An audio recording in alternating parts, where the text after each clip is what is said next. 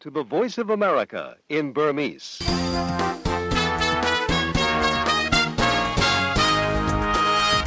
မင်္ဂလာပေါင်းနဲ့ပြည့်စုံတဲ့ညနေခင်းမှာတော်ရရှိများရှင်။ဝါရှင်တန်မြို့တော် VOA American တန်ကနေခရစ်နှစ်2020ခုနှစ်ဖေဖော်ဝါရီလ22ရက်စနေနေ့ညနေခင်းအစီအစဉ်လေးကိုမြန်မာစံတော်ချိန်ညနေ6နာရီခွဲကနေ9နာရီအထိလိုင်းနိုမီတာ16 19နဲ့25တို့ကနေတိုက်ရိုက်ထုတ်လွှင့်ပေးနေပါပြီရှင်။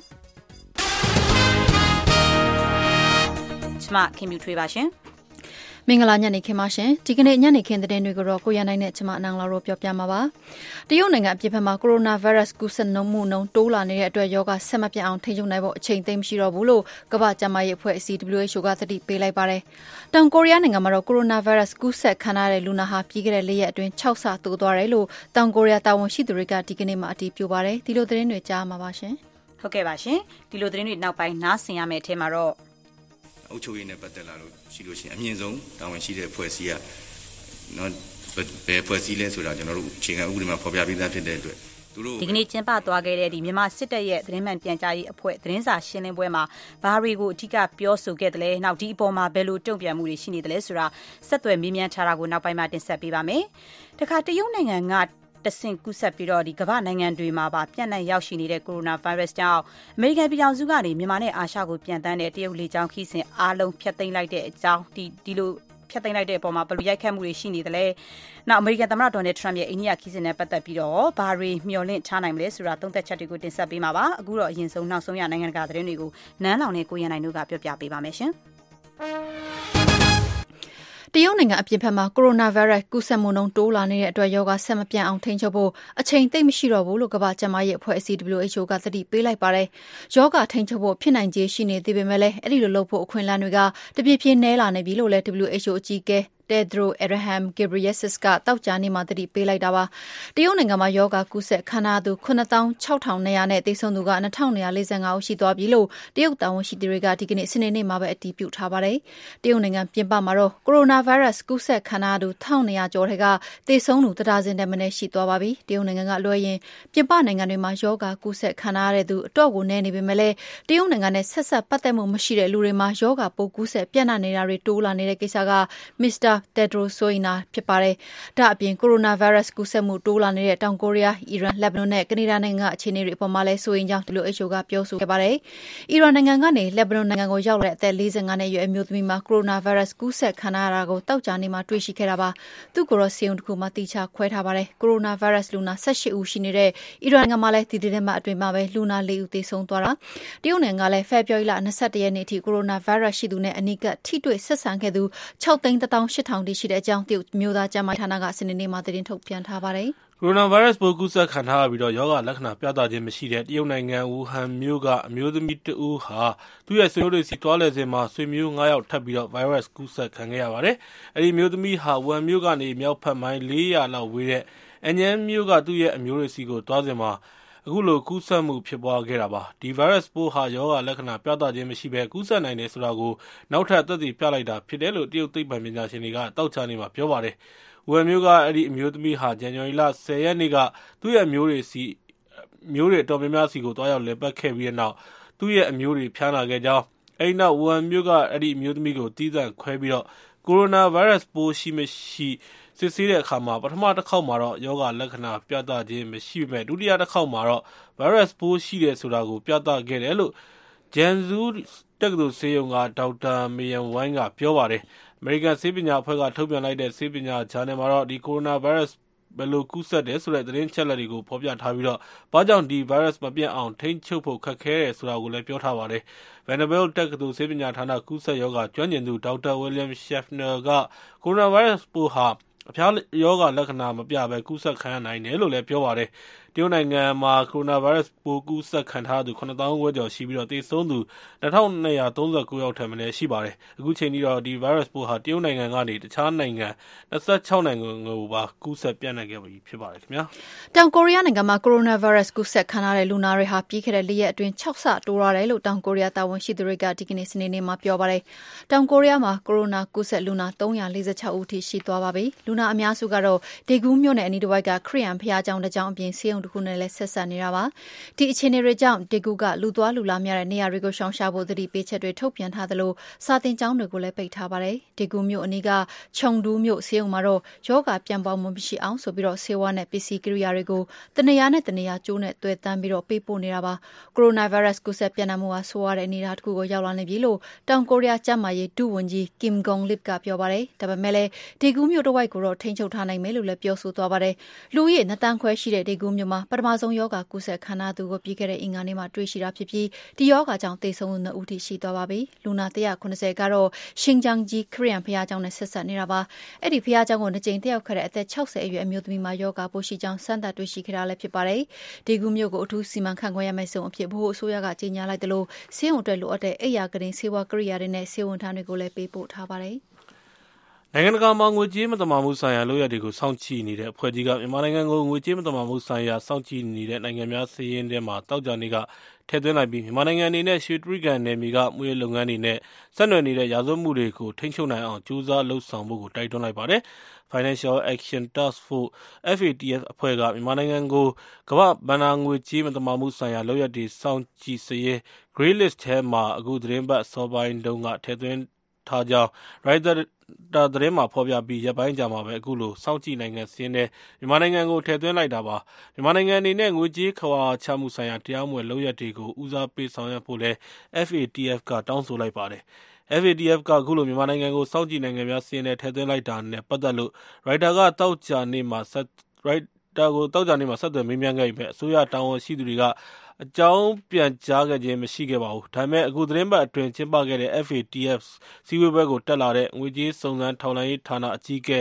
ဦးကျော်ဝင်းသိန်းကတော့မြန်မာအစိုးရအနေနဲ့ငွေကြေးမသမာမှုကိုတိုက်ဖျက်ဖို့အသေးစိတ်စီမံကိန်းတွေရေးဆွဲထားပြီးဖြစ်ကြောင်းပြောပါတယ်။ ပြင်သစ်နိုင်ငံမှာအခြေစိုက်ပြီးနိုင်ငံတကာအစိုးရတွေနဲ့ဖွဲ့စည်းထားတဲ့ FATF ရဲ့ကြေညာချက်မှာတော့မြန်မာအစိုးရရဲ့လုပ်ဆောင်မှုတွေထဲမှာတိုးတက်မှုရှိတာတွေကိုတွေ့ရကြောင်းဖော်ပြထားပါတယ်။တိုးတက်မှုရှိတယ်ဆိုတဲ့နေရာမှာငွေကြေးမသမာမှု၊ငွေကြေးခဝါချမှုကိုတိုက်ဖျက်မယ့်ဥပဒေတွေလွှတ်တော်တွင်းပြဌာန်းတာ၊ငွေသားကိုသာအသုံးပြုတဲ့စီးပွားရေးစနစ်ကိုအခြေခံတဲ့မြန်မာနိုင်ငံတွင်းကန့်သတ်ချက်အသစ်တွေထုတ်ပြန်တာတွေပါဝင်တယ်လို့ဆိုပါတယ်။ဒါပေမယ့်ငွေကြေးမသမာမှုလုပ်ငန်းတွေနဲ့သက်ဆိုင်တဲ့အရေးပါတဲ့အချက်တွေကိုဆောင်ရွက်မှုအားနည်းနေသေးတယ်လို့လည်း FATF ကပြောပါတယ်။ ငွေဈေးတရားမဝင်ထုတ်လုပ်မှု၊လူကုန်ကူးမှုတွေရဲ့ဗဟိုချက်မဖြစ်တဲ့ ရွှေတြိဂံဒေသထဲမှာပါဝင်နေတဲ့ မြန်မာနိုင်ငံမှာ တရားမဝင် ကျောက်စိမ်းထုတ်လုပ်မှု၊လက်နက်မှောင်ခိုမှု၊သစ်ခိုးထုတ်မှု စတဲ့ ပြဿနာတွေ ရှိနေတယ်လို့လည်း ၂၀၁၈ ခုနှစ်က ထုတ်ပြန်တဲ့ FATF ရဲ့ အစီရင်ခံစာထဲမှာ ဖော်ပြထားပါတယ်။မြန်မာနိုင်ငံမှာ ကြီးမားတဲ့ ရာဇဝတ်မှုတွေ မြင့်တက်နေပြီး ငွေဖြူငွေမည်းခဝါချတဲ့ ပြဿနာ သိပ်ကို သိသာထင်ရှားနေတယ်လို့ အဲဒီ အစီရင်ခံစာမှာ ပြောထားပါတယ်။ဒါတင်မက နယ်စပ်ဖြတ်ကျော် ရာဇဝတ်မှု အကြီးအကျယ် ကျူးလွန်နေတဲ့ အဖွဲ့တွေနဲ့ လက်နက်ကိုင် တိုင်းရင်းသားအဖွဲ့တွေကြားမှာလည်း ဆက်နွယ်မှုရှိတယ်ဆိုတာကို ဒီအစီရင်ခံစာက ထောက်ပြခဲ့ပါသေးတယ်ခင်ဗျာ။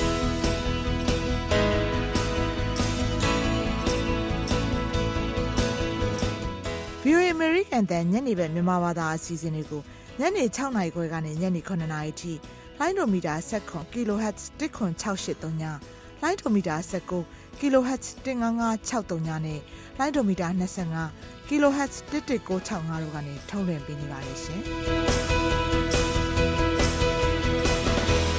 VOA မြန်မာပိုင်းရဲ့စနေနေ့ညနေခင်းထိတ်တန့်ရောက်သတင်းတွေကိုဆက်ပြီးတော့တင်ပြနေပါတယ်။ဒီနေ့နိုဝင်ဘာမှာကျင်းပမယ့် American သမ္မတရွေးကောက်ပွဲအတွက်သမ္မတလောင်းရွေးချယ်နေတာမှာ Nevada Caucus ကိုတော့ Nevada ပြည်နယ်ကနေရာ250မှာဒီကနေ့ကျင်းပမှာပါ။ Nevada ပြည်နယ်လူထုစစ်တမ်းတွေအရမဲဆန္ဒရှင်တွေတဘောအကြဆုံးကတော့ Vermont ပြည်နယ်အထက်လွှတ်တော်အမတ် Bernie Sanders ဖြစ်ပြီးတခြားကိုယ်စားလှယ်တွေထက်အသာစီရနေတာပါ။ဒီလအစောပိုင်းမှာကျင်းပခဲ့တဲ့ Iowa Caucus နဲ့ New Hampshire primary အကြိုရွေးကောက်ပွဲတွေမှာတာထွက်ကောင်းခဲ့သလိုဒီပြည်နယ်မှာလည်းအလားအလာကောင်းနေရအောင် Mr. Sanders မျှော်မှန်းထားပါတယ်။ Iowa နဲ့ New Hampshire အကြိုရွေးကောက်ပွဲတွေမှာ Mr. Sanders နဲ့ မဲသိပ်မကွာတဲ့ South Bend မြို့တော်ဝန်ဟောင်း Pete Buttigieg ကလည်း Nevada ပြည်နယ်မှာ ထောက်ခံမှုအတော်ရနေတာပါ။လူထုစစ်တမ်းတွေမှာတော့ Pete Buttigieg ထက် မဲအနည်းငယ်ပိုရထားတဲ့ ဒုသမ္မတဟောင်း Joe Biden နဲ့ Massachusetts ပြည်နယ် အထက်လွှတ်တော်အမတ် Elizabeth Warren တို့ကလည်း ဒီပွဲမှာ ထောက်ခံမှုရအောင် မျှော်မှန်းနေပါတယ်။ပြီးခဲ့တဲ့ အောက်တိုဘာလ အစောပိုင်းမှာ တနိုင်ငံလုံးအတိုင်းအတာနဲ့ ကောက်ယူထားတဲ့ လူထုစစ်တမ်းတွေမှာတော့ Joe Biden နဲ့ Elizabeth Warren တို့က ထောက်ခံမှုအများဆုံးရထားကြတာပါ။ဒါပေမယ့်လည်း နောက်ပိုင်းမှာ Bernie Sanders ကို ထောက်ခံသူတိုးလာပြီး ရွေးကောက်ပွဲဝင်ပြိုင်လာတဲ့ New York မြို့တော်ဝန်ဟောင်း Michael Bloomberg ကလည်းဒေါ်လာသန်းချီသုံးစွဲပြီးကြော်ငြာလာတဲ့အချိန်မှာတော့ Joe Biden နဲ့ Elizabeth Warren တို့ရဲ့ထောက်ခံမှုတွေကျဆင်းလာတာလည်းဖြစ်ပါတယ်။မေရိကန်အစိုးရနဲ့တာလီဘန်တို့ကြားငြိမ်းချမ်းရေးသဘောတူညီချက်ကိုလာမယ့်ဖေဖော်ဝါရီ၂၉ရက်နေ့မှာလက်မှတ်ရေးထိုးနိုင်မယ်လို့အမေရိကန်နိုင်ငံခြားရေးဝန်ကြီး Mike Pompeo နဲ့တာလီဘန်အဖွဲ့တို့ကသောကြာနေ့မှာတပြိုင်တည်းကြေညာလိုက်တာကြောင့်အမေရိကန်တို့အတွက်သက်တမ်းအရှည်ဆုံးစစ်ပွဲအဆုံးသတ်ဖို့လမ်းစပေါ်ထွက်လာပြီဖြစ်ပါတယ်။ ဒီသဘောတူညီချက်အရအာဖဂန်နိုင်ငံတွင်းကအမေရိကန်တပ်ဖွဲ့တွေတဆင့်ချင်းပြန်လည်ရုပ်သိမ်းပေးရမှာဖြစ်ပြီးတာလီဘန်ဘက်ကလည်းအာဖဂန်မြေကိုအသုံးပြုပြီးအကြမ်းဖက်လုပ်ငန်းတွေလုပ်ဆောင်ခြင်းမပြုရမယ့်အပြင်အမျိုးသားပြန်လည်ရင်ကြားစေ့ရေးလုပ်ငန်းတွေမှာတခြားအာဖဂန်နိုင်ငံသားတွေနဲ့အတူလက်တွဲဆောင်ရွက်ရမှာဖြစ်ပါတယ်။သဘောတူညီချက်လက်မှတ်ထိုးပြီးမကြာခင်မှာအာဖဂန်အချင်းချင်းကြားကဆွေးနွေးမှုတွေကိုစတင်မှာဖြစ်ကြောင်းအဲဒီနောက်မှာမှဘက်စုံပြီးပြည့်စုံတဲ့အပြစ်ခတ်ရစရေးနဲ့အာဖဂန်အနာဂတ်နိုင်ငံရေးလမ်းပြမြေပုံကိစ္စတွေကို ဆွေးနွေးမှာဖြစ်ကြောင်းဝန်ကြီးပွန်ပီယိုကကြေညာချက်မှာပြောထားပါတယ်ခင်ဗျာ။ဆီးရီးယားနိုင်ငံအနောက်မြောက်ပိုင်းကတပုံတွေထိန်းချုပ်ထားတဲ့အီလစ်ဒေသမှာချက်ချင်းအပြစ်ခတ်ရစဲပြီးတော့လူသားစာနာမှုဆိုင်ရာအကြက်တဲ့အဆုံးသတ်ဖို့ကုလသမဂ္ဂအတွင်းရေးမှူးချုပ်အန်တိုနီယိုဂူဒရက်စ်ကတောင်းဆိုလိုက်ပါတယ်။ရုရှားတို့ကြောတော့နောက်ခံပေးထားတဲ့ဆီးရီးယားအစိုးရတပ်ကအဲ့ဒီဒေသမှာထိုးစစ်ဆင်နေတာတနစ်နေပါရှိနေပြီဖြစ်ပြီးတော့တူရကီနဲ့ဆီးရီးယားအစိုးရတပ်ကြားအကြိမ်ကြိမ်ထိပ်တိုက်ရင်ဆိုင်တွေ့နေကြတယ်လို့လည်းဂူဒရက်စ်ကနယူးယောက်မြို့မှာသတင်းထောက်တွေကိုပြောဆိုခဲ့တာပါ။အီလစ်ဒေသမှာလူသားချင်းစာနာမှုဆိုင်ရာအကူအညီ လိုအပ်နေတဲ့လူပေါင်း2.8တန်းရှိတယ်လို့လည်း Guterres ကပြောပါတယ်။ဂျာမနီမှာ မနေ့ကကစားခဲ့တဲ့ Bundesliga ဂျာမန်အမှတ်ပေးဘောလုံးပွဲမှာတော့ ဘိုင်မြူနစ်အသင်းဟာ ပွဲပြီးခါနီးမှာ သွင်းတဲ့ဂိုးနဲ့ အနိုင်ရသွားပါတယ်။ဘိုင်ယန်နဲ့ SP Paderborn တို့ ကစားကြတာမှာ ဘိုင်ယန်က3ဂိုး2ဂိုး နဲ့ နိုင်သွားတာဖြစ်ပါတယ်။ဘိုင်ယန်အတွက် နောက်ဆုံးအနိုင်ဂိုးကိုတော့ ပိုလန်တိုက်စစ်မှူး Lewandowski က 88 မိနစ်မှာ သွင်းပေးခဲ့တာဖြစ်ပါတယ်ခင်ဗျာ။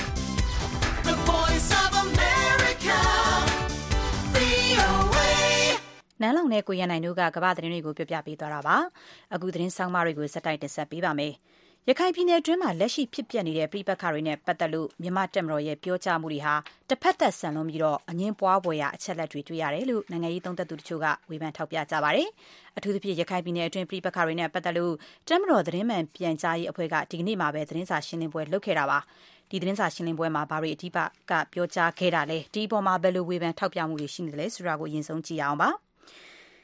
ဒီရခိုင်ပြည်နယ်အတွင်းလက်ရှိဖြစ်ပျက်နေတဲ့ပြိပခါတွေမှာရက်သားပြည်သူတွေသေကြေထိခိုက်ဒဏ်ရာရမှုတွေရှိနေတဲ့ကိစ္စတွေကိုတက်မတော်ဘက်ကလှုပ်ဆောင်ခဲ့တာမဟုတ်တဲ့အကြောင်းနောက်ရခိုင်ပြည်နယ်အတွင်းဘာသာရေးနဲ့လူမျိုးရေးပြိပခါတွေဖြစ်လာရင်တက်မတော်ကသာအဓိကဖြည့်ရှင်းကင်တွယ်နေရတာဖြစ်ပြီးတော့ရခိုင်လက်နက်ကင်အဖွဲ့ AA ကဆွဆွဲပြောဆိုနေတယ်လို့မျိုးအကြမ်းဖက်တိုက်ခိုက်မှုမျိုးတွေကိုတက်မတော်ကလှုပ်ဆောင်တာမရှိဘူးဆိုပြီးတော့ဒီနေ့သတင်းစာရှင်းလင်းပွဲမှာအဓိကပြောခဲ့ပါတယ်။ မြန်မာတပ်မတော်အနေနဲ့လုံခြုံရေးဆိုင်ရာကိစ္စရပ်တွေကိုအဓိကထားဆောင်ရွက်နေတာဖြစ်ပြီးတော့အုပ်ချုပ်ရေးပိုင်းမှာအဓိကတာဝန်ရှိသူဒါကတော့အစိုးရရဲ့တာဝန်ဖြစ်တယ်ဆိုပြီးတပ်မတော်သတင်းမှန်ပြန်ကြားရေးအဖွဲ့ဒုတိယဥက္ကဋ္ဌဗိုလ်ချုပ်ထွန်းထွန်းညီကပြောဆိုသွားပါတယ်။ကျွန်တော်တို့ကတော့ဒီဥပဒေပြဋ္ဌာန်းချက်တွေမှာဖော်ပြထားတဲ့လုပ်ငန်းတာဝန်တွေကိုတပ်မတော်ကကျေပွန်အောင်ဆောင်ရွက်နေပါတယ်။အဲ့တော့အုပ်ချုပ်ရေးနဲ့ပတ်သက်လို့ကတော့သက်ဆိုင်ရာတာဝန်ရှိတဲ့အစိုးရကအစိုးရဟိုသာမေးဖို့ကျွန်တော်တို့ကတော့ဟိုပြောချင်ပါတယ်ဒါကဒီ ဖွဲ့စည်းပုံအခြေခံဥပဒေရနိုင်ငံတနိုင်ငံဟာဒီအတိုင်းပဲသွားမှာဖြစ်တဲ့အတွက်အုပ်ချုပ်ရေးနဲ့ပတ်သက်လာလို့ရှိလို့ရှိရင်အမြင့်ဆုံးတာဝန်ရှိတဲ့ဖွဲ့စည်းကနော်ဘယ်ဖွဲ့စည်းလဲဆိုတာကျွန်တော်တို့အခြေခံဥပဒေမှာဖော်ပြပေးသားဖြစ်တဲ့အတွက်သူတို့ကိုပဲကျွန်တော်တို့ပြပြသားသားသိရှိအောင်ဟိုမေးတဲ့မေးတဲ့နယ်လို့ကျွန်တော်ကတော့ဖြေကြားခြင်းပါတယ်ကျွန်တော်တို့တက်မတော်အနေနဲ့ကတော့ဒါနဲ့ပတ်သက်ပြီးတော့ဟိုဖြေကြားစရာမရှိပါဘူးဘာလို့ကျွန်တော်တို့တက်မတော်အနေနဲ့တက်မတော်ပေးထားတဲ့တာဝန်တွေကိုကြည်ပြအောင်ဆောင်ရွက်နေတာဖြစ်ပါတယ် လက်ရှိဒီရခိုင်ပြည်နယ်ကပြိပခါတွေနဲ့ ပတ်သက်ပြီးတော့ ဒီနေ့ သတင်းစာရှင်းလင်းပွဲအတွင်း မြန်မာတက်မတော်ရဲ့ ပြောကြားမှုတွေဟာတစ်ဖက်သက်ဆန်လွန်းနေဆိုပြီး နိုင်ငံရေးလေးလာသူတချို့ကတော့တုံ့တက်ထောက်ပြပါတယ်။ဒီရခိုင်ပြည်နယ်အတွင်း အကြမ်းဖက်မှုတွေ အရက်သားထိခိုက်ဒေဆုံးမှုတွေမှာအထူးတာဝန်ရှိသူတွေအထက်တက်မတော်ကအထူးပါဝင်နေတယ်ဆိုတာကိုတော့ညင်းလို့မရနိုင်ဘူးဆိုပြီးရန်ပြန်ပြိုနယ်မြို့သားလွှတ်တော်ကိုယ်စားလှယ်မတ်ထူမီကပြောပါတယ်။ကာယကံမြောက် တိုက်ပွဲဆင်ကြတဲ့ ပုံကိုများက တာဝန်ရှိဆုံးဖြစ်ပါတယ်။ ဒါကိုမဟုတ်ဘူးလို့ညင်းနေဆိုလို့ရှိရင်ဒါလက်တွေ့လည်းမကျသလိုဟိုမှန်ကန်မှုနဲ့လည်းအများကြီးဝေးကွာနေမှာဖြစ်ပါတယ်ဒါတာဝန်ယူမှုတာဝန်ခံမှုကရှိရမှာပါဒါတကဘာလုံးဝေဖန်တာရှိတယ်အစိုးရနှစ်ရက်လို့ဖြစ်နေတယ်တစ်ဖက်မှာနေပြီးတော့လက်ရှိအစိုးရဒီတက်မတော်နဲ့ဆက်ဆံရေးကောင်းတယ်လို့မမြင်ပါဘူးဒါပေမဲ့တိုင်းရင်းသားကိစ္စတွေကိုဆောင်ရွက်တဲ့အခါမှာတော့အစိုးရဒီတက်မတော်နဲ့မိကြစာဆောင်ရွက်တယ်ဒါနိုင်ငံတကာမှာလည်းမြင်ပါတယ် ICJ လိုကိစ္စမျိုးကိုဖြည့်ရှင်းတဲ့အခါမှာလည်း ဒါမြင်သာထင်သာရှိပါတယ်။ဒါပေမဲ့တကယ်တမ်းတိုက်ပွဲဖြစ်ပွားတဲ့အခါကာယကံမြောက်ဖြစ်ပွားတဲ့အခါမြန်မာတပ်မတော်နဲ့နေပြီးတော့အခုဒီတိုင်းရင်းသားလက်နက်ကန်ဖြစ်တဲ့ရခိုင်တပ်တော်တွေဖြစ်ကြပါတယ်။အဲကြောင့်မို့မြေပြင်မှာဖြစ်ပွားတဲ့အခြေအနေကိုအစိုးရကိုလုံးလုံးတောင်းအော်နေပြီးတော့လွဲတယ်ဒါကျွန်တော်တို့ကတော့ဟိုလုံခြုံရေးရပဲဆောင်ရွက်တယ်ဆိုတာကတော့ဟိုကျွန်တော်တို့ဒါလက်ခံနိုင်ပွဲမရှိပါဘူးဒီသတင်းစာရှင်းလင်းပွဲများဒီတကယ်တမ်း ဒီတကယ်မှန်ကန်တဲ့ real ဒီပုံမှာအခြေခံရမှာဖြစ်ပါတယ်ဒီနေ့ကျွန်တော်ဒီသတင်းစာရှင်းလင်းပွဲကိုနားထောင်လိုက်တာကြတော့အင်မတန်တစ်ဖက်သက်ဆောင်လန်းတယ်ဟိုတရားမျှတမှုနဲ့အင်မတန်ဝေးကွာနေတယ်လို့ကျမတို့နားထောင်ရတဲ့သူကတော့ဒါအတော့ကိုစနိုးစနောင်ဖြစ်မိတယ်ရှင် ဒီကနေ့လိုသတင်းစာရှင်းလင်းပွဲမျိုးမှာဖြေကြားပြောဆိုတာမှတ်ချက်ပေးတာတွေဟာမြန်မာနိုင်ငံမှာလက်ရှိဖော်ဆောင်နေတဲ့ငြိမ်းချမ်းရေးနဲ့အမျိုးသားရင်ကြားစီရေးအတွက်အထောက်အကူဖြစ်တဲ့ပြောဆိုမှတ်ချက်ပေးမှုမျိုးဖြစ်တဲ့လို့နိုင်ငံရေးလေလာသုံးသပ်သူဦးရန်မျိုးသိန်းကလည်းထောက်ပြပြောဆိုပါတယ်။ဒီလိုသတင်းစာရှင်းလင်းပွဲတွေကနေပြီးတဲ့သတင်းအချက်လက်တွေဟာနော်အငင်းပွားပွဲသတင်းအချက်လက်တွေမဖြစ်ဖို့လည်းပဲလိုအပ်တယ်လို့ကျွန်တော်မြင်ပါတယ်။နောက်တော့ဒီသတင်းစာရှင်းလင်းပွဲတွေရဲ့ နော်ကထုတ်ပြန်တဲ့အဲတည်င်းတွေမှာပဲဖြစ်ဖြစ်အမှတ်ချက်တွေမှာပဲဖြစ်ဖြစ်အဲ့ဒါတွေကိုအကြောင်းပြုပြီးတော့နော်အဲကျွန်တော်တို့လက်ကလောဖော်ဆောင်နေတဲ့ငြိမ်းချမ်းရေးလုပ်ငန်းစဉ်နော်အမျိုးသားရင်ကြားစီရေးနော်ဒီမိုကရေစီဖက်ဒရယ်ပြည်တော်စုတည်ဆောက်ရေးဆိုတဲ့နော်လမ်းကြောင်းတွေအပေါ်မှာနော်မထိခိုက်ဖို့လည်းပဲလိုအပ်တယ်လို့မြင်ပါတယ်တိုင်းသားနိုင်ငံရေးပါတီတွေအပါအဝင်နိုင်ငံရေးပါတီတွေပဲဖြစ်ဖြစ် ဟောရပ်ဖက်အဖွဲ့အစည်းတွေပဲဖြစ်ဖြစ်ဟောအားလုံးရဲ့ပြောဆိုရေးသားဟောမှတ်ချက်ပေးမှုတွေဟာဒီဗမာတိုင်းရင်းသားတွေနဲ့ဗမာမဟုတ်တဲ့တိုင်းရင်းသားတွေကြားမှာယုံကြည်မှုတိဆောက်ရေးကိုနော်ဟိုအထောက်အကူပြုမဲ့နော်ယုံကြည်မှုတိဆောက်ရေးကိုကြားကန်ပေးနိုင်မဲ့အဲ့ဒီလိုယုံကြည်မှုတိဆောက်ရေးကနေတစ်ဆက်နော်နိုင်ငံရေးရအဖြေရှာနိုင်မဲ့လမ်းကြောင်းကိုပံ့ပိုးပေးနိုင်မဲ့ ချင်းကပ်မှုမျိုးတွေဖြစ်ဖို့လိုအပ်တယ်လို့မြင်ပါတယ်ရခိုင်ပြည်နယ်အတွင်းမှာရခိုင်လက်နက်ကိုင်အဖွဲ့ AA နဲ့မြန်မာ့တပ်မတော်အကြားလက်နက်ကိုင်ပဋိပက္ခတွေနဲ့စစ်ရေးတင်းမာမှုတွေပြင်းထန်နေချိန်မှာဒီကနေ့တပ်မတော်သတင်းမှန်ပြန်ကြားရေးအဖွဲ့ရဲ့သတင်းစာရှင်းလင်းပွဲကျင်းပတာဖြစ်ပါတယ်။ တနှစ်တော်ကျော်ကြာကာလတိုက်ပွဲတွေအတွင်းမှာတော့လက်နက်ကြီးထိမှန်တာ၊မိုင်းပေါက်ကွဲတာ၊ပစ်ခတ်ခံရမှုတွေကြောင့်အရပ်သားတွေရာနဲ့ချီသေဆုံးခဲ့ရပြီးဖြစ်သလိုထိခိုက်ဒဏ်ရာရသူတွေလည်းရာနဲ့ချီရှိပါတယ်။နောက်စစ်ဘေးဒဏ်သင့်ပြည်သူကလည်းတသိန်းကျော်လောက်ရှိနေတာပါ။ဒါပေမဲ့ဒီအခြေအနေတွေနဲ့ပတ်သက်ပြီးမြန်မာစစ်တပ်နဲ့ AA အဖွဲ့ကြားမှာတော့အပြန်အလှန်အပြစ်ဖို့ပြောဆိုနေကြတာဖြစ်ပါတယ်။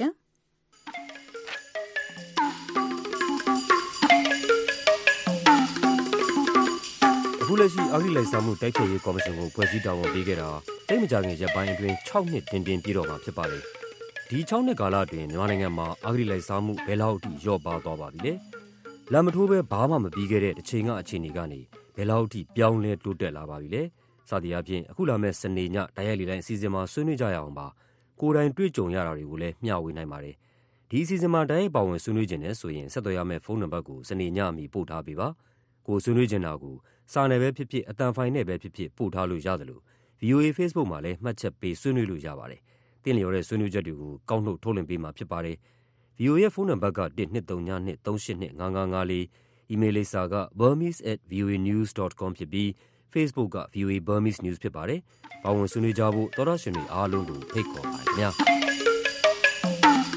ကြာခင်နိုင်ပိုင်းအတွင်းမှာထုတ်လွှင့်တော့မှာဖြစ်တဲ့တိုက်ရိုက်လေးလိုက်စီစဉ်မှာပါဝင်ဆွေးနွေးကြဖို့ထပ်မံဖိတ်ခေါ်ပါရရှင်။အခုတခါကတော့ဒီကိုရိုနာဗိုင်းရပ်စ်အန္တရာယ်နဲ့ခီးသွွားလုပ်ငန်းအပေါ်မှာဘယ်လိုရိုက်ခတ်မှုတွေရှိနေသလဲကြည့်အောင်ပါ။တရုတ်နိုင်ငံကနေစတင်လိုက်တဲ့ကိုရိုနာဗိုင်းရပ်စ်ကူးစက်မှုအန္တရာယ်ကြောင့်ခီးသွွားလာမှုတွေကိုနိုင်ငံအတော်များများကကန့်သတ်လိုက်တဲ့အတွက်မြန်မာခီးသွွားလုပ်ငန်းတွေနဲ့လုပ်ငန်းရှင်တွေလည်းအခက်ကြုံနေရပါတယ်။ လေယာဉ်ခရီးစဉ်တွေဖျက်သိမ်းရတာ၊ဆိုင်းငံ့ရတာတွေကြောင့်အမေရိကန်ပြည်ထောင်စုမှာအခြေစိုက်တဲ့မြန်မာခရီးသွားလုပ်ငန်းရှင်တွေဝင်ငွေထိခိုက်လာသလိုစီစဉ်ထားတဲ့အတိုင်းခရီးမထွက်နိုင်တဲ့မြန်မာခရီးစဉ်တွေလည်းရှိလာပါတယ်။အပြည့်အစုံကိုတော့ဆက်သွယ်မေးမြန်းထားတဲ့ကိုဉာဏ်ဝင်းအောင်ပြောပြပေးပါမယ်။ကိုရိုနာဗိုင်းရပ်စ်ကူးစက်ခံရမှာစိုးရိမ်နေတာကြောင့်တရုတ်နိုင်ငံကိုဦးတည်ပျံသန်းမယ့်လေကြောင်းလိုင်းတွေတရုတ်နိုင်ငံထဲကတချို့မြို့ကြီးတွေမှာခရီးတထောက်နားပြီးမြန်မာနိုင်ငံကိုခရီးဆက်မယ့်လေကြောင်းလိုင်းတွေဟာလည်းစီးမဲ့သူမရှိသလောက်ဖြစ်သွားပါတယ်။ဒါကြောင့်လည်း မတ်လကုန်အထိ ခရီးစဉ်တွေ ဖျက်သိမ်းထားတယ်လို့ အမေရိကန်အရှေ့ခြမ်း ဗာဂျီးနီးယားပြည်နယ်က FK World နိုင်ငံတကာ လေယာဉ်လက်မှတ်အရောင်းကုမ္ပဏီ အာရှတာဝန်ခံ ဒေါ်မေမေသန်းက ရှင်းပြပါတယ်။ China Airline တွေပေါ့ China Airline က Air China, Southern China, Eastern China ပေါ့နော်။သူက Mainland China နဲ့ ပတ်သက်တယ်ဆိုတော့ အဲ့ဒီကတော့ လုံးဝယူရောင်းအားကျသွားတယ် ဆိုတော့ နောက်ပိုင်းမှာလိုက်လာပြီးတော့ဟောင်ကောင်မှာဖြစ်တဲ့ကြောင့်တော့ Cathay Pacific ကိုလည်း affect ဖြစ်သွားပါတယ်ရှင်။ကျမတို့စီတော့ဟို Cathay Pacific Airline ကအများအား email တွေပို့တယ်ဟိုသူတို့မသွားနိုင်ဘူးဆိုတာတွေကို February 9ကနေစပြီးတော့ March ကုန်နောက်တဲ့အထိကိုအဓိကနေရာတွေကတော့ mainland China တွေကိုအကုန်လုံးခရီးစဉ်တွေဖျက်ပစ်ပါတယ်ရှင်။အဓိကအားဖြင့်တရုတ်လေကြောင်းလိုင်းတွေကိုသုံးပြီး အမေရိကန်ပြည်ထောင်စု ဘော့စတွန်၊နယူးယောက်၊ဝါရှင်တန်ဒီစီ လေဆိပ်တွေကနေရုတ်နိုင်ငံ ဘေကျင်းနဲ့ ဟောင်ကောင်လေဆိပ်တွေမှာ ခရီးတစ်ထောက်နားပြီး ရန်ကုန်နိုင်ငံတကာလေဆိပ်ကို သွားကြမဲ့ခရီးစဉ်အားလုံး လောလောဆယ် ဖျက်သိမ်းထားတာပါ အခုလို ခရီးစဉ်ဖျက်သိမ်းပေမဲ့လေရင်လက်မှတ် ကြိုတင်ဝယ်ထားသူတွေကိုတော့ လက်မှတ်ရဲ့ မူလတန်ဖိုးအတိုင်း ပြန်အမ်းပေးနေတယ်လို့ ဆိုပါတယ်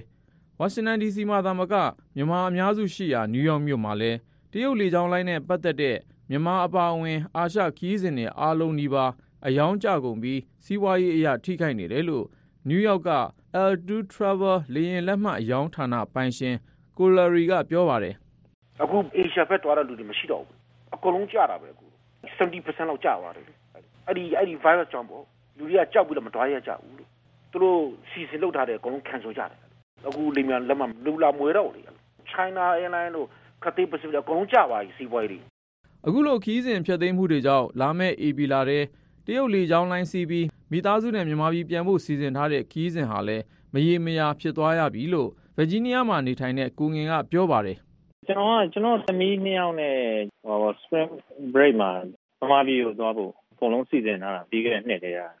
ကျွန်တော် April 9ရက်နေ့မှာအဲသူတို့ကျောင်းကလည်း ပိတ်တယ်ဆိုတော့လေအာမြန်မာပြည်ကိုသွားပြီးတော့ သူ့ဖိုးဖွားရနေတွေ့ဖို့ကိစ္စအတွက်ကျွန်တော်စီစဉ်ထားတာ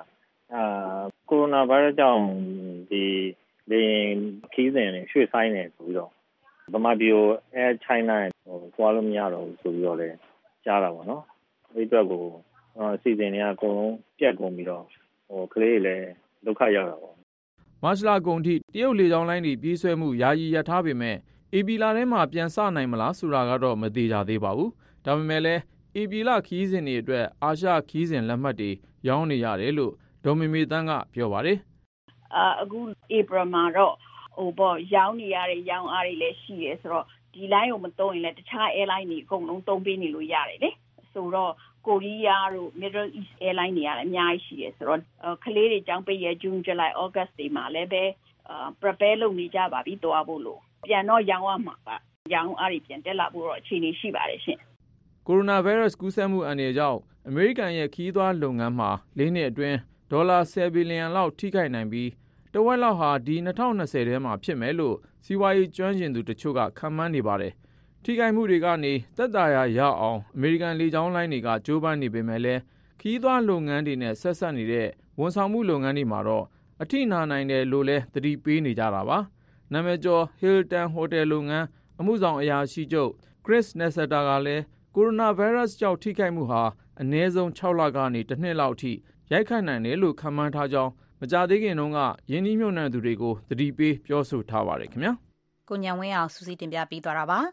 အခုဆက်ပြီးတော့အမေရိကန်သမ္မတထရန့်မကြခင် အိန္ဒိယနိုင်ငံကို သွားဖို့ရှိနေတာကိုလည်း ပြောပြပေးခြင်းပါတယ်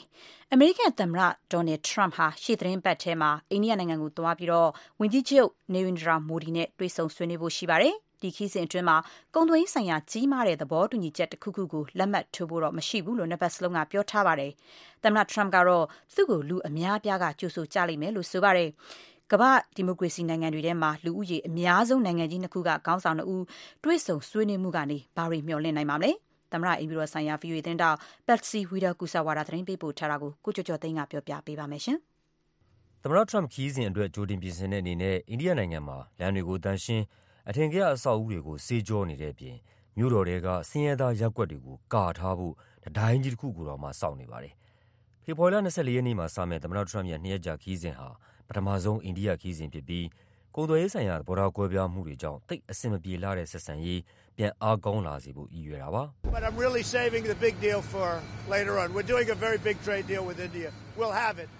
သဘောတူညီချက်ကြီးအကြောင်းတော့နောက်မှပဲပြောပါမယ်။အိန္ဒိယနဲ့သိပ်ကြီးမားတဲ့ကုန်သွယ်ရေးသဘောတူညီချက်ရဖို့လုပ်နေပါတယ်။ရလာမှာပါ။ရွေးကောက်ပွဲမပြီးခင်ရလာမလားဆိုတာတော့ကျနော်မသိပါဘူး။ဒါပေမဲ့သိပ်ကြီးမားတဲ့သဘောတူညီချက်တခုအိန္ဒိယနဲ့ရလာမှာပါ။ဒေါ်လာဘီလီယံအများအပြားတန်ဖိုးရှိတဲ့အမေရိကန်လုပ်စစ်လက်နက်ပစ္စည်းတွေရောင်းမယ့်အစီအစဉ်ကိုသမ္မတထရမ့်ပ်ကကြေညာဖွယ်ရှိပါတယ်။ဒါပေမဲ့အချက်အလက်လုံခြုံရေးနဲ့အွန်လိုင်းကူးသန်းရောင်းဝယ်ရေးထိန်းချုပ်မှုလိုကိစ္စရပ်တွေကြောင့်ပိုကြီးမားတဲ့ကုန်သွယ်ရေးသဘောတူညီချက်ဆိုင်ရာဆွေးနွေးပွဲတွေကရှုပ်ထွေးနေတာပါ။ အိန္ဒိယနိုင်ငံခြားရေးဌာနပြောခွင့်ရ Ravish Kumar က “We would not like to rush into a deal as the issues involved are complicated. ဆက်စပ်နေတဲ့ကိစ္စရပ်တွေက ရှုပ်ထွေးပြီး လူသန်းပေါင်းများစွာရဲ့ဘဝတွေပေါ် ရိုက်ခတ်မယ့် ဆုံးဖြတ်ချက်အများအပြား ချမှတ်ရမှာမို့ သဘောတူညီချက်ရဖို့ ကျနော်တို့ အလျင်စလို လုပ်မှာမဟုတ်ပါဘူး။”ဘယ်လိုပဲဖြစ်ဖြစ် ဒီခရီးစဉ်ကတော့ သာမန်လူထုအကြိုက်လုပ်တတ်တဲ့ သမ္မတထရမ့်ပ်နဲ့ ဝန်ကြီးချုပ်မိုဒီလို ခေါင်းဆောင်နှစ်ဦးအတွက်က ပြည်တွင်းမှာရော ပြည်ပမှာပါ အမှတ်ရစေမယ့် အခွင့်အလမ်းတခုပဲလို့ Hudson Institute က Aparna Pande လို လေ့လာသူတွေက မြင်ပါတယ်။ For an Indian Prime Minister to have a American President come and visit and for the for an American အိ President န္ဒိယ who ဝန်ကြီး really ချုပ်အတွက် does က enjoy အမေရိကန် pomp သမ္မတ and တယောက် လာလဲတဲ့ပုံ circumstance လေ that တခန္ဓနာကြိုဆိုပွဲတွေကို နှစ်ချိုက်တဲ့ အမေရိကန်သမ္မတအတွက်ကလည်း ကမ္ဘာမှာ လူဦးရေအများဆုံးနိုင်ငံတစ်ခုက သူ့ကို လှိုက်လိုက်လဲကြိုဆိုကြလိမ့်မယ်ဆိုတော့ပြောစရာတစ်ခု ရသွားတာပေါ့ ပြီးခဲ့တဲ့နှစ် စက်တင်ဘာလက တက္ကဆက်ပြည်နယ် ဟူစတန်မြို့မှာလုပ်တဲ့ အမေရိကန်မှာနေထိုင်သူ အိန္ဒိယနိုင်ငံသားတွေရဲ့ Howdy Modi ဆိုတဲ့ပွဲကို သမ္မတထရမ့်ပ်တက်ခဲ့ပါတယ်။ဝန်ကြီးချုပ် မိုဒီကလည်း အပြန်အလှန်အားဖြင့် သူ့ဇာတိ Ahmedabad ပြည်နယ်က ကမ္ဘာ့အကြီးဆုံး ခရစ်ကက်ကစားကွင်းကြီးထဲမှာ Namaste Trump ဆိုတဲ့ပွဲကို လုပ်ပေးမှာပါ။ဒီတော့လည်း သူ့ကို လူအများအပြားနဲ့ ကြိုဆိုမယ်လို့ သမ္မတထရမ့်ပ်ကပြောနေတာ လွန်ပုံမရပါဘူး။ He told me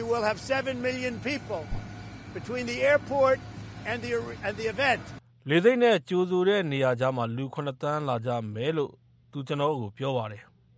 ကက်ရှ်မီးယားအရေးအိန္ဒိယနဲ့ပါကစ္စတန်အကြားအငြင်းပွားနေတဲ့အပေါ်ကြားဝင်စစ်ဆက်ပေးမယ်လို့ပြီးခဲ့တဲ့နှစ်မှာသမ္မတထရမ့်ပ်ကကမ်းလှမ်းခဲ့တာကိုပါကစ္စတန်ကကြိုဆိုပေမဲ့အိန္ဒိယကလက်မခံခဲ့ပါဘူး။ဒီကိစ္စအခုပြန်ပါလာမှာအိန္ဒိယတာဝန်ရှိသူတွေစိတ်ပူနေကြပါတယ်။အာဖဂန်နစ္စတန်ကတာလီဘန်တွေနဲ့ငြိမ်းချမ်းရေးသဘောတူညီချက်ရဖို့အမေရိကန်ကကြိုးပမ်းနေတဲ့ကိစ္စကလည်း နောက်ထပ် ရှုပ်ထွေးနိုင်ခြေကိစ္စတစ်ခုဖြစ်တယ်လို့ လေ့လာသူ Aparna Pande က ပြောပါတယ်။ Taliban being allowed to come back into power is something India is not happy and not comfortable တာလီဘန်တွေကို အာဏာပြန်ယူခွင့် And ပေး in တာ this, မျိုးက အိန္ဒိယအတွက် ဘဝင်မကျစ India ရာ sort of စိတ်မ concerns ချမ်း that မြေ့စရာကိစ္စ Pakistan တစ်ခုပါ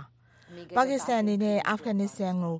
အနောက်ဘက်ကနေပြီးတော့ပြန်ဝင်ခွင့်ရသွားနိုင်ခြေ အမေရိကန်နဲ့ တာလီဘန် သဘောတူညီချက်ကနေပြီးတော့ပါကစ္စတန် ပြန်ဝင်ခွင့်ရသွားစေမှာကို အိန္ဒိယက စိုးရိမ်နေပါတယ်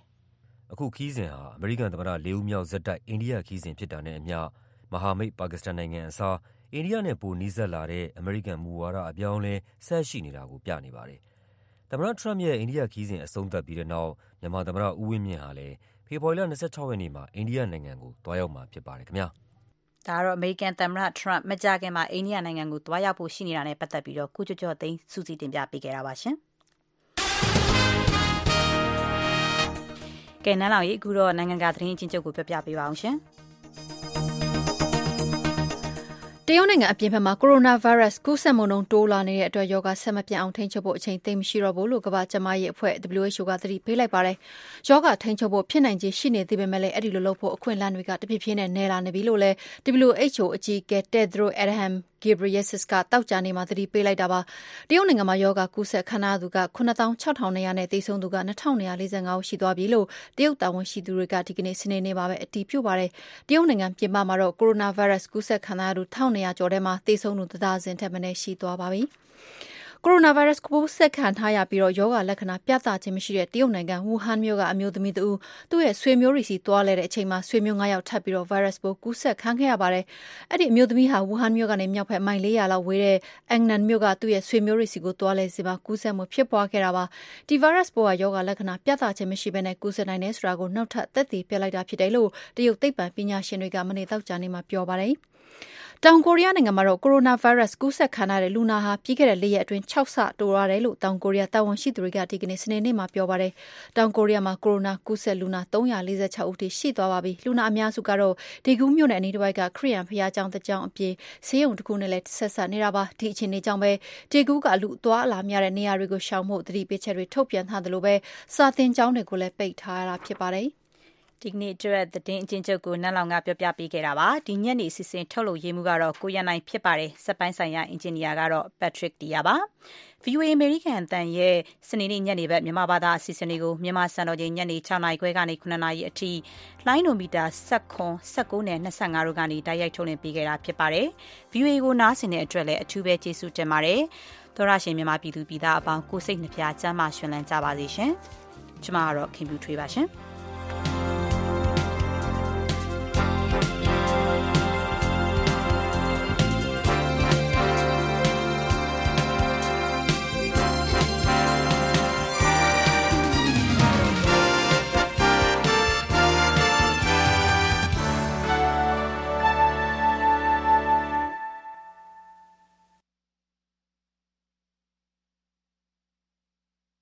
This program has come to you from the Voice of America, Washington.